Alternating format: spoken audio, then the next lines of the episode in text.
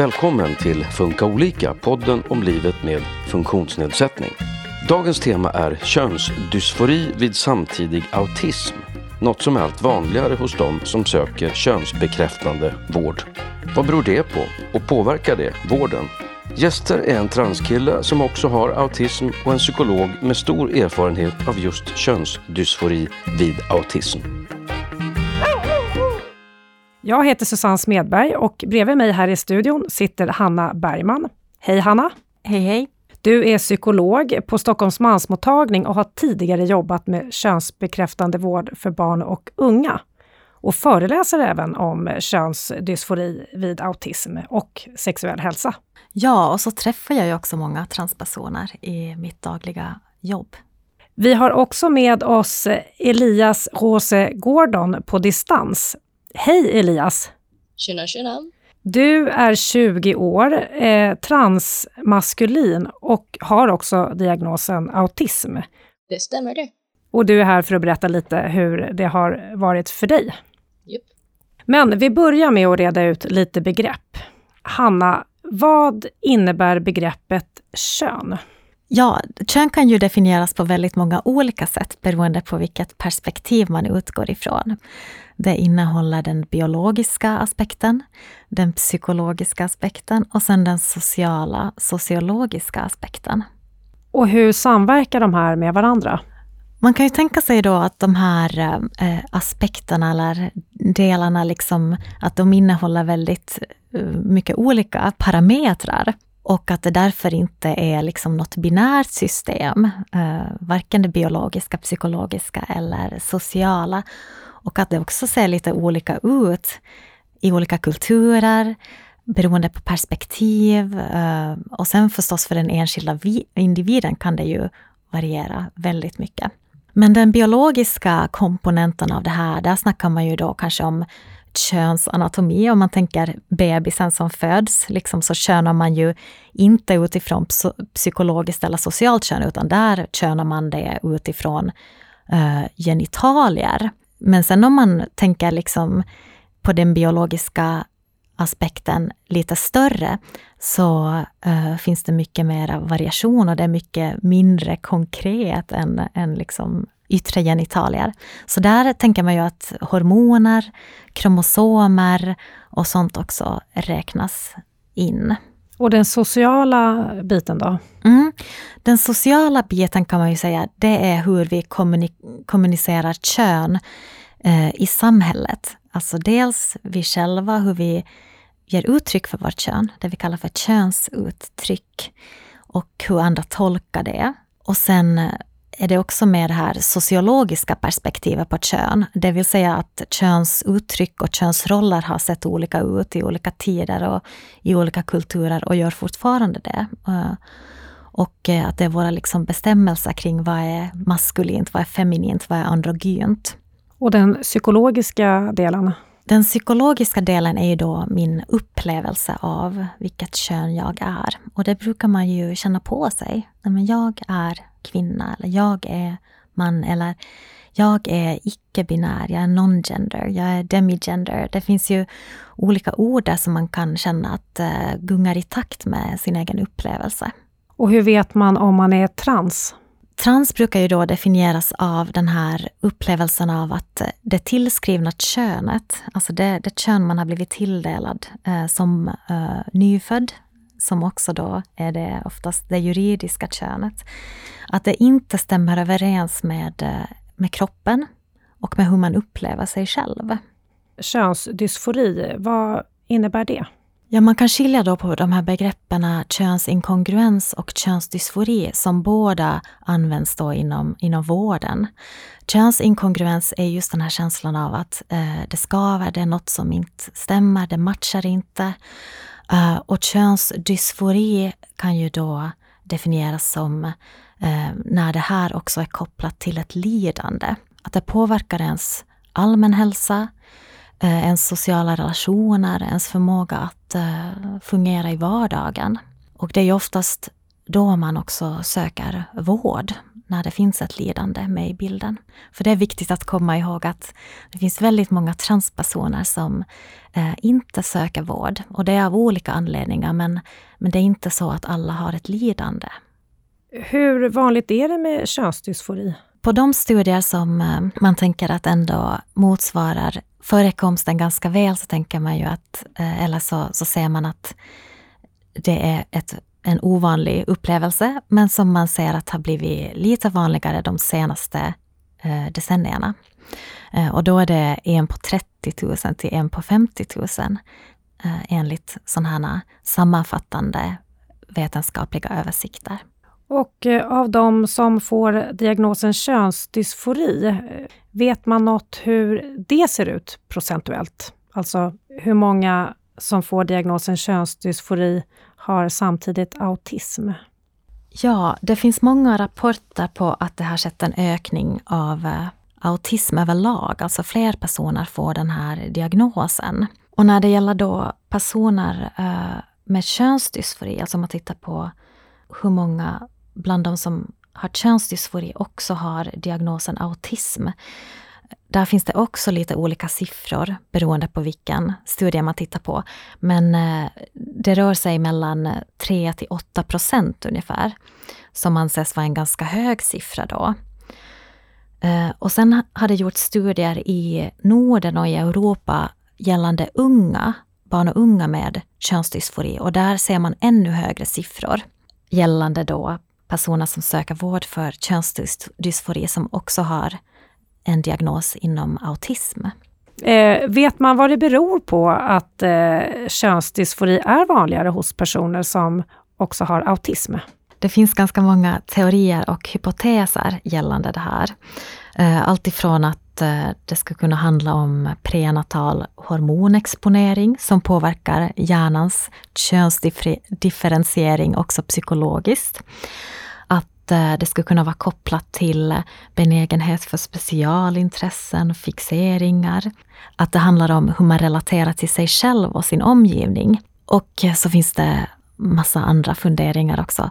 Sammanfattningsvis kan man tänka sig att det högst antagligen kan bero på väldigt många olika saker, varför det här förekommer tillsammans. Och att det är också väldigt bundet till språket och till normer, alltså hur vi definierar saker och hur det här har utvecklats genom eh, ja, men kulturhistoriskt. Så att det, det är hjälpsamt att tänka att eh, autism kan vara väldigt många olika saker, samma sak med könsdysfori. Och då är det lite lättare att eh, tänka och förstå att eh, det också finns eh, att det inte finns några enkla förklaringar eh, när det gäller sambandet mellan könsdysfori och autism. Elias, du har ju själv personliga erfarenheter av både könsdysfori och autism. Har du själv några tankar kring hur och på vilket sätt det skulle kunna hänga ihop? Absolut, och jag tänker att eh, mycket av det Hanna var inne på tidigare stämmer ju ganska bra med mina egna erfarenheter. Att för mig tänker jag att det handlar väldigt mycket om hur jag själv som autistisk relaterar till mig själv och eh, hur jag som autistisk relaterar till eh, sociala konstruktioner.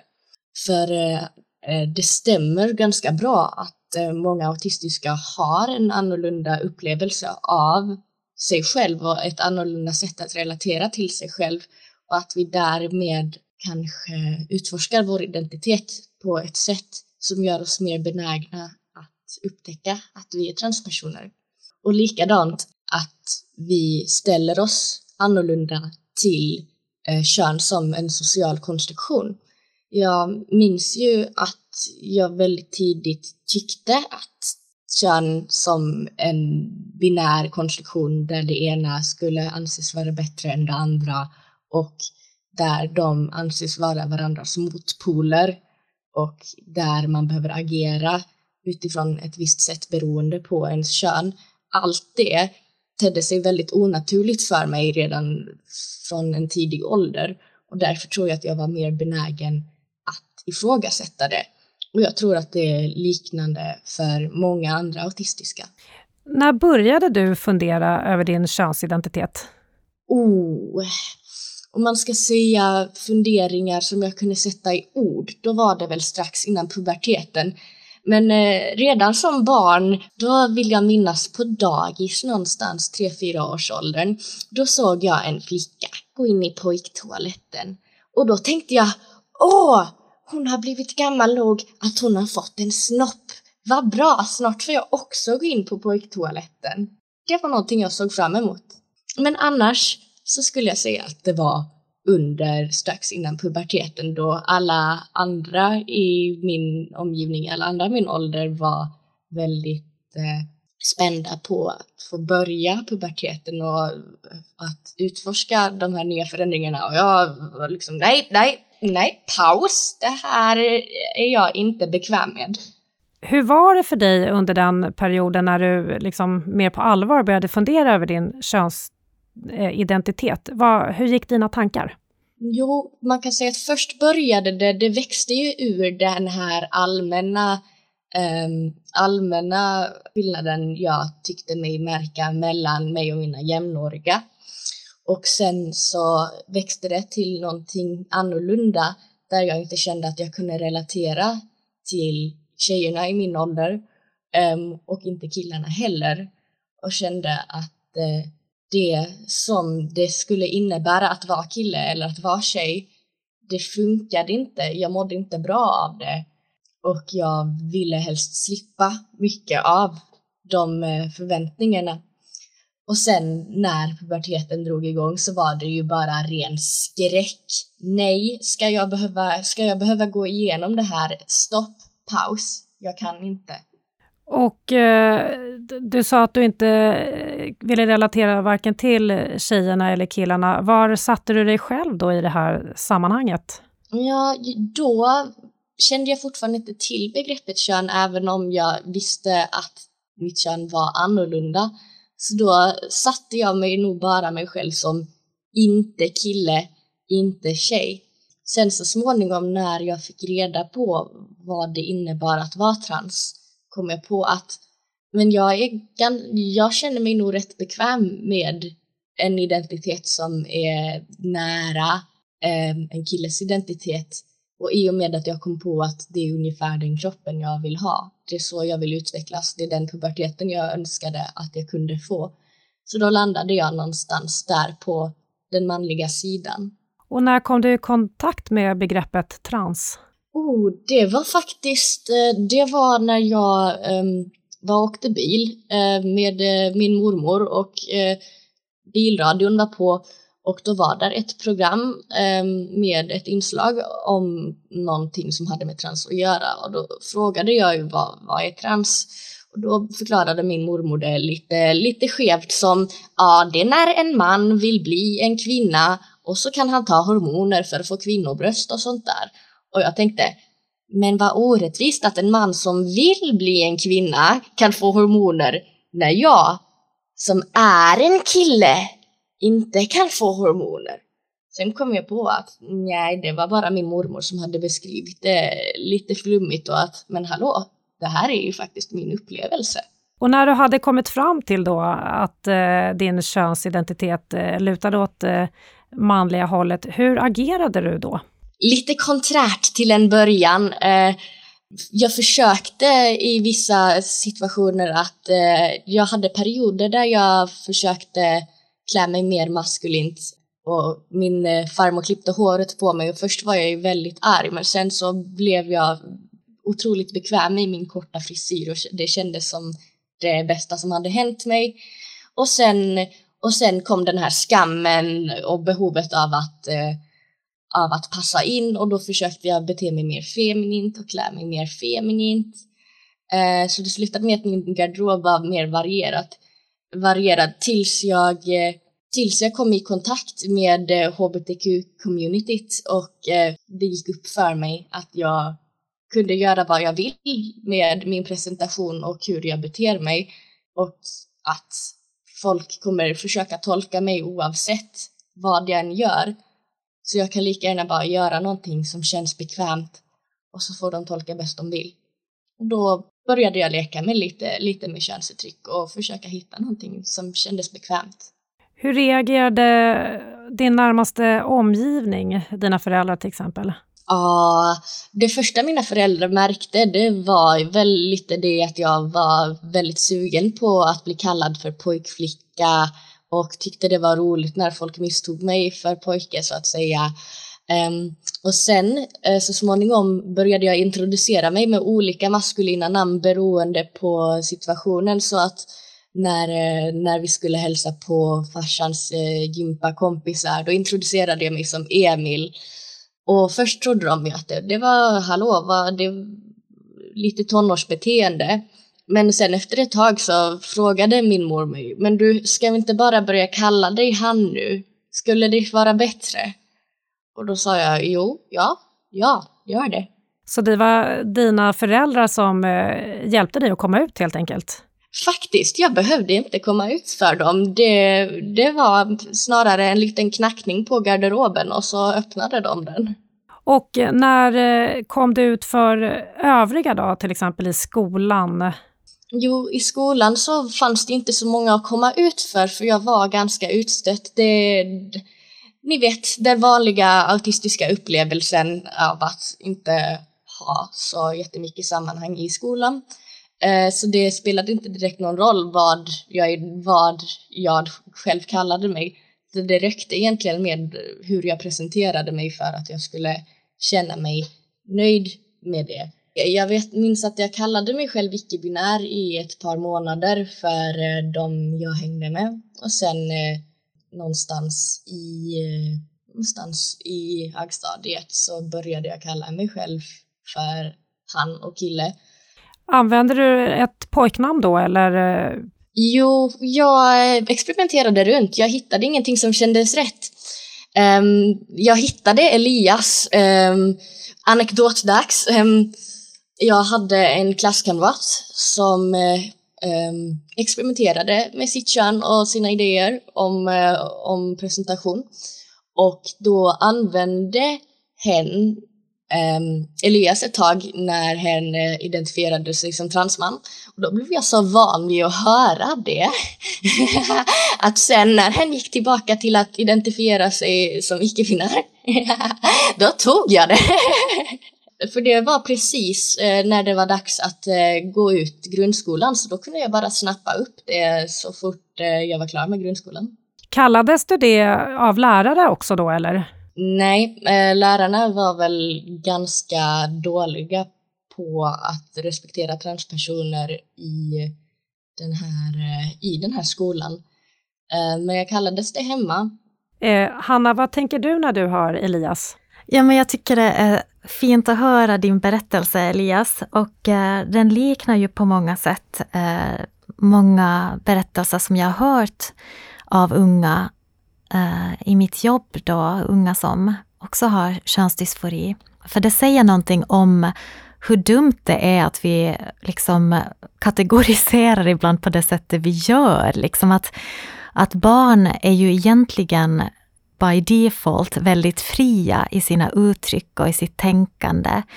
Eh, men de är också så himla sugna på att lära sig om sin omvärld och så eh, de snappar väldigt lätt upp de här kategorierna och begreppen. Typ att barn ser det här att det är olika rum för de med snippa och de med snopp. Och just det att, att ha en snippa kallas att vara tjej, att ha en snopp kallas att vara kille. Och så, så lär ju oftast sig barn utifrån vad de blir eh, lärda.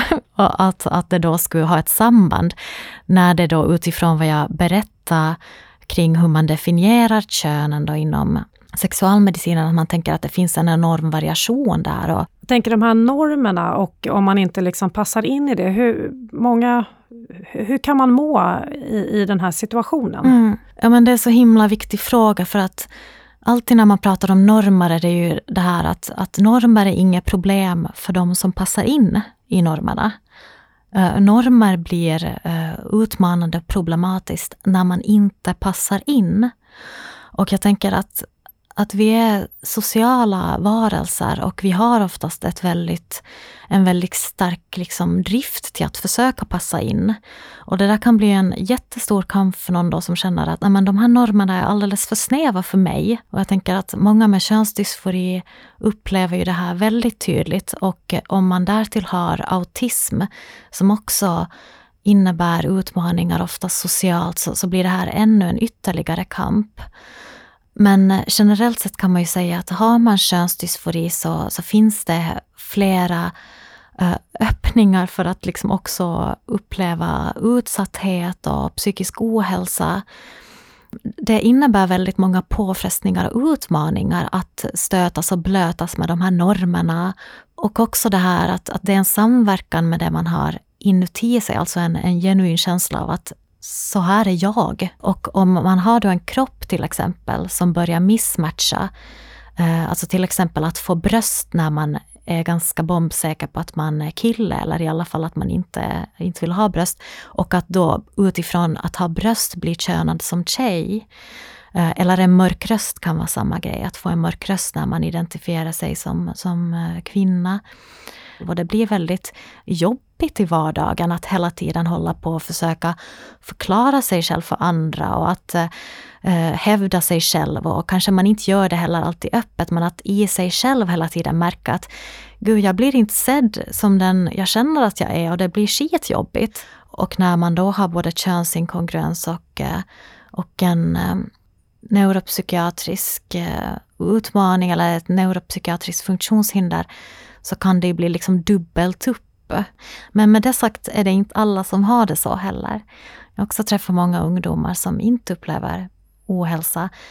Eh, och oftast är det förknippat med en väldigt stöttande miljö och framförallt stöttande eh, nära anhöriga.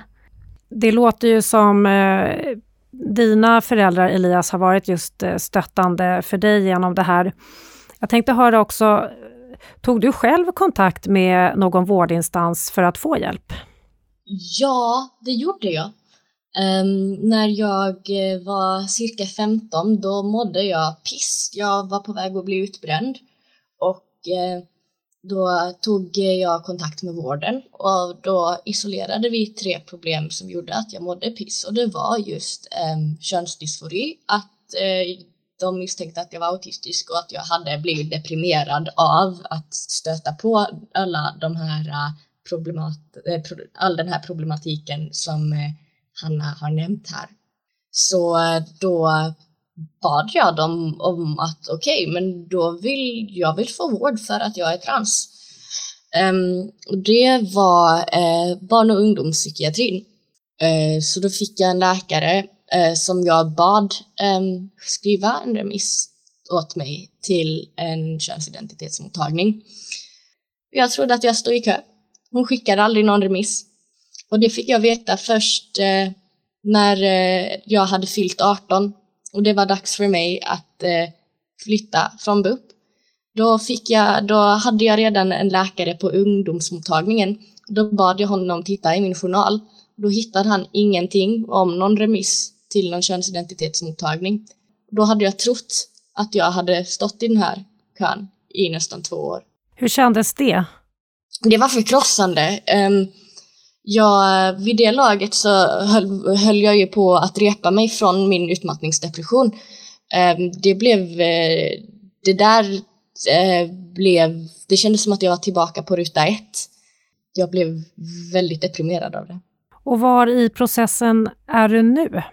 Nu är det så att eh, i den svenska processen så har jag fått två möten hos eh, Anova i Stockholm. Det var förra året. Eh, för i och med corona så eh, har de skjutit upp alla mina möten sedan dess. Så jag har ännu inte fått någon vård av, eh, av, i Sverige och jag har knappt ens börjat min utredning. Så vad jag gjorde var att eh, i och med att jag är autistisk och att jag var tvungen att hoppa av skolan när jag var 16 på grund av eh, min resulterande ångest och depression av all den här stressen eh, så kvalificerade jag för aktivitetsersättning. det ger mig en tillräckligt stor inkomst för att jag skulle kunna gå internationellt. Så nu så har jag gått till en internationell eh, läkarklinik. Ehm, de skrev ut ehm, hormonbehandling åt mig. De skickar min medicin. De kollar, ehm, de talar om för mig när jag behöver kolla mitt blodtryck och göra blodprover och så gör jag, tar jag blodprover här i Sverige och skickar resultaten till dem. Det är bökigt och det kostar pengar och det, det har jag ju otrolig tur att jag kan göra det här för många um, transpersoner som väntar på vård i Sverige hade gärna gjort som jag om de hade fått chansen. Jag förstår att du har längtat länge efter det här, men hade du någon oro inför att börja medicinering? Nej, um, i och med att jag har väntat så länge, jag har velat ha det här sedan jag var 15 och nu är jag 20 och jag var 20 när jag började uh, min hormonbehandling. Då fanns det, jag hade, jag har tittat på det ur alla vinklar, jag har gått igenom all problematik som finns och jag, det enda som fanns kvar var att börja. Och vad tänker du då över att eh, du är ändå på gång in i vården i Sverige? Kommer du gå över till den allt eftersom? Så småningom. Absolut, det är ju billigare. Um, och um, i och med att uh, jag inte, i och med att jag inte skulle, kommer behöva vänta på, vänta på paket på posten varje månad eh, och trilskas med det och eh, försöka kommunicera med flera olika läkare samtidigt. Eh, så absolut, det, när jag väl får vård i Sverige så kommer den ju vara mer praktisk för mig. Vad ställer den svenska transvården för krav på dig som person? Alltså, först så ställer det ju kravet att man ska vara på nog för att ens kunna komma till den svenska vården. För att eh, som barn är det inte lätt. Som ungdom så är det inte lätt på att kunna propsa på det här. Um, och sen ställer det också krav på att man ska um, passa in i en väldigt skev definition av kön. Ehm, för de, eh, de som har utformat de här utredningarna som finns på ehm, könsidentitetsmottagningar, de är ofta inte transpersoner själva. De har, de har lite svårt för att säga vem som är transperson och ofta så har eh, frågeställningen man får i transvården väldigt mycket att göra med att man ska passa in i normer. Eh, vilket var mycket av det som jag ville komma ifrån som i min transidentitet. Jag vill inte gå från att behöva passa in i flickrollen till att passa in i mansrollen. Hur påverkar det dig utifrån vad du är? Alltså det är ju tungt, speciellt i och med att jag är autistisk och eh, då har svårt för eh, att navigera eh, sociala normer och situationer som eh, vården. Eh, att behöva navigera det här, vården som transperson på det här viset. Det tär. Det känns ganska hopplöst, även om vi vet att det finns ett mål som går att uppnå. Så är det kämpigt. Förbereder du dig på något sätt? Vad du ska säga och... Ja, ah, gud. Det är väldigt mycket fake it till you make it. Uh, man får man får lyssna in sig bland, eh, bland andra transpersoner, vad för svar som accepteras, vad som inte accepteras och känna hur villig är jag att gå ifrån mig själv och min egen syn på mitt kön för att få eh, behandling, för att kunna få eh, för att kunna uppnå en plats där jag är bekväm i min kropp. Vad tänker du om det Elias säger här nu, Hanna? Ja, men man blir så himla ledsen för din skull och det låter så fruktansvärt kämpigt. Uh, för att när man mår så dåligt så ska man inte behöva, uh, behöva kämpa på det där sättet och vara så ensam i det, utan det ska vara mycket lättare att uh, få hjälp. Det finns otroligt stora utmaningar inom könsdysforivården.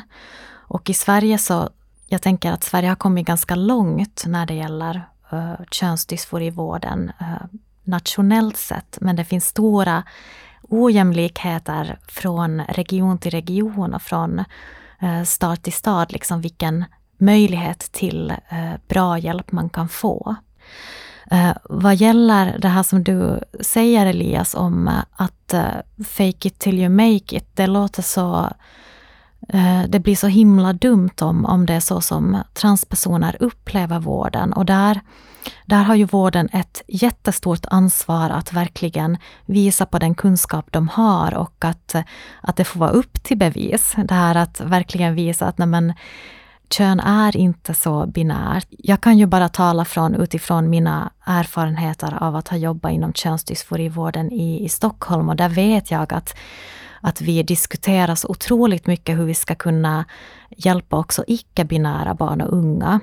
Och när det gäller vård för icke-binära på Anova så vet jag att de har haft många, där, där behandlar de icke-binära eh, transpersoner med könsbekräftande vård, precis som, som för alla transpersoner. Där finns forskningsprojekt som har följt upp den här behandlingen och som visar väldigt fina resultat på att icke-binära transpersoner har upplevt väldigt bra hjälp. Målet med en könsbekräftande behandling är ju att den enskilda individen ska uppleva eh, en större tillfredsställelse i sin kropp, och eh, känna att, att det stämmer bättre överens. Att man känner sig mera som sig själv.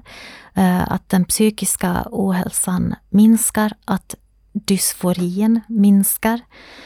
Men, men nu under pandemin, som du säger Elias, det har ju varit jättemycket utmaningar i vården i och med det också. Och, eh, och sen är det ju tänker jag, liksom, bara det senaste året, halvåret, har det ju varit någon form av backlash. Och inte minst nu när, det, när vi fick höra eh, beskedet att barn och unga hindras från att få hormonbehandling eh, i Stockholm enligt nya bestämmelser från sjukhusledningen. Och det är inte då av teamet som jobbar med barn och unga med könsdysfori, utan det är sjukhusledningen. Och det är ju många unga transpersoner som, som påverkas väldigt negativt av det här. Och många föräldrar som också är oroliga. Jag skulle vilja tillägga också eh, angående det här med hur, hur man påverkas negativt av att inte ha eh, tillgång till den, den, vård man behöver, är ju att många, precis som Elias, då faktiskt söker sig någon annanstans. Eh, det är många som, som eh, börjar köpa hormoner, hormoner på nätet. Och det har jag full förståelse för, för att det kan finnas en enorm frustration och desperation i, i att ens kropp håller på att förändras på ett sätt som man inte önskar. Och dels blir det ju otryggt eh, för, för att man inte riktigt alltid vet vad det är för preparat man får. Och man har ingen läkare som har en professionell översikt av den, den vård eller de, den behandling man tar emot. Jag inflikar, jag har ju tur här i och med att jag hittade en klinik där det faktiskt finns läkare som kan överse min transition även om det sker på håll och även om det kräver mycket mer av mig i hur jag um, balanserar den, de testerna som krävs av att jag får i Sverige och de analyserna som krävs att de gör internationellt. Och det, det kostar ju mycket mer. Det är ju inte alla som har råd med det och det är därför många vänder sig till att bara köpa hormoner. Vad krävs idag då för att få könsbekräftande vård? Eller för att få diagnosen könsdysfori? För att få diagnosen könsdysfori i Sverige inom transvården så behöver man ju gå, eh, genomgå en utredning inom specialistpsykiatrin. Och eh, man behöver då träffa läkare, en eh, psykiater som gör en bedömning. Man träffar oftast en psykolog som, eh, som gör sin bedömning. Och det här är då oftast liksom fördelat på flera besök under lång tid. Och sen kan det hända att man inom ramen för utredningen kommer fram till att det behövs parallella insatser alltså, eller samverkan. Om det är en person till exempel som har psykisk ohälsa eller eh, autism till exempel, så kanske man behöver ha kontakt med habiliteringen parallellt eller psykiatrin parallellt. Um, det är inte så att man tänker att om det finns en autismdiagnos att men då beror könsdysforin på det, utan nu för tiden tänker man nog att det kan finnas både och och man behöver anpassa den hjälp man, man ger utifrån de uh, önskemål men också de utmaningar som finns hos patienten. När man väl har fått diagnosen könsdysfori, vilken behandling kan bli aktuell? Om vi börjar med de som är under 18. Ja, eh, som sagt så ser det här ju lite olika ut på olika ställen i Sverige. Men enligt de riktlinjer som man har utgått ifrån tidigare så har man ju då möjligheter till både medicinska och icke-medicinska könsbekräftande åtgärder. Och det är viktigt att poängtera att det handlar inte enbart om hormoner och kirurgi, utan har man könsdysfori så, så kan det vara andra typer av könsbekräftande åtgärder man behöver. Eh, så för barn och unga så ingår det ju i en utredning att man ser över uh, hur den här personen mår generellt och var man skulle behöva uppbackning. Det kan gälla till exempel då interventioner i skolan, i familjen. Till exempel om det är så att det, att det finns eh, utmaningar hos föräldrarna att uh, förstå sig på, på sitt barn i den här upplevelsen. Så att det här de här psykosociala interventionerna kan vara en del av den könsbekräftande behandlingen för barn och unga. Sen när det gäller det, det medicinska, vad man kan göra där, så gör man ju aldrig några eh, medicinska interventioner medan barnet inte har kommit in i puberteten. Och det är för att man tänker att, att det är nog bra att kroppen har exponerats för de här könsegna hormonerna som börjar produceras i, i puberteten. Och också för att barnet ska få möjlighet att känna efter hur det känns med den här annalkande puberteten och de kroppsliga förändringarna. För det är faktiskt rent statistiskt eh, en minoritet av alla som har upplevt könsinkongruens i barndomen som fortsätter att uppleva det efter puberteten. Så puberteten är ett otroligt viktigt vägskäl för att avgöra om man ska gå vidare med eh, ytterligare eh, åtgärder då. Sen kanske man kommer då till det här skedet att man märker att men den här, det här barnet kvarstår i sin önskan om om könsbekräftande vård och att det inte trivs med de pubertala förändringar som sker utifrån dens könsidentitet. Och det kan ju också faktiskt vara kopplat till om man, om man har autism så kan det vara otroligt jobbigt med de här förändringarna som puberteten innebär. Inte enbart utifrån könsdysfori utan också på grund av de kraftiga förändringarna som sker under kort tid. Men stopphormonbehandling är ju någonting då man äh, i alla fall tidigare, jag vet inte hur det blir nu då, men har gett åt, uh, åt personer då som har könsinkongruens och ett lidande kring det, men ännu inte har fått då diagnosen könsdysfori. Och att man tänker att, att det här barnet, det kommer vara mera utmaningar och belastningar för det här barnet om den inte får tillgång till det här, än om det får det. Så att man vet att det också har biverkningar, eventuella biverkningar och det innebär också risker att ge en hormonell behandling. Men man tänker då i termer av eh, liksom risk och konsekvensanalys, liksom att, att vinsten troligen är, är högre än, än eventuella biverkningar. Och, och, liksom, och eh, det är först också med erhållen diagnos könsdysfori som man kan gå vidare med könskonträr hormonbehandling som är liksom det, det, ett senare skede då i en könsidentitetsutredning. Där görs det ju då en bedöm, bedömning kring diagnosen könsdysfori. Liksom. Då måste det vara väldigt man, att man eh, att ungdomen känner att jag kommer nog alltid att känna så här. Eh, och jag önskar också de kroppsliga förändringarna. Eh, och jag vill se ändå lyfta här att det är inte alla personer med könsdysfori som vill gå vidare med, med eh, könskonträr hormonbehandling. Det är inget som är tvingande. Och om man väljer då att gå vidare, hur kan vården se ut längre fram för personer över 16 eller mm. över 18 år? En ungdom då som får könskonträr hormonbehandling eh, så där behöver man ju som sagt vara ganska säker på att det här kommer kvarstå.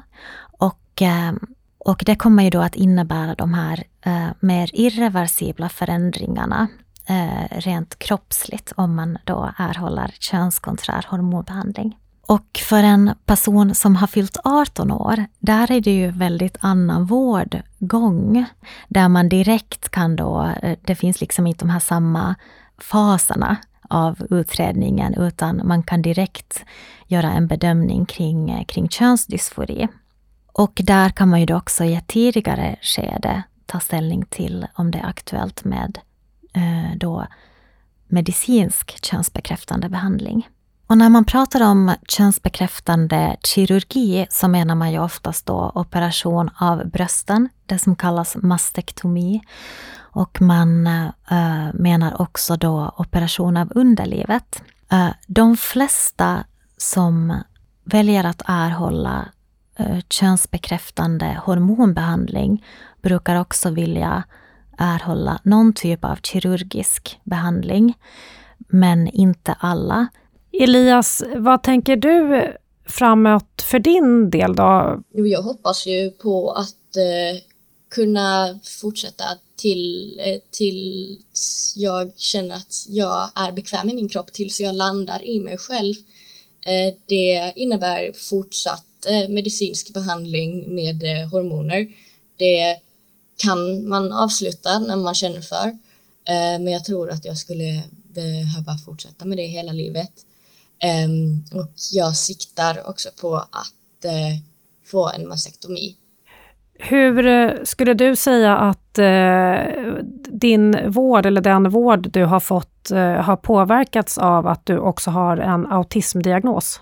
Uh, alltså, den har ju varit mindre tillgänglig i och med att jag är autistisk. Eh, vården i allmänhet är ju mindre tillgänglig för autistiska personer i och med att det finns ett element av byråkrati och det finns ett element av sociala koder som man behöver vara införstådd i.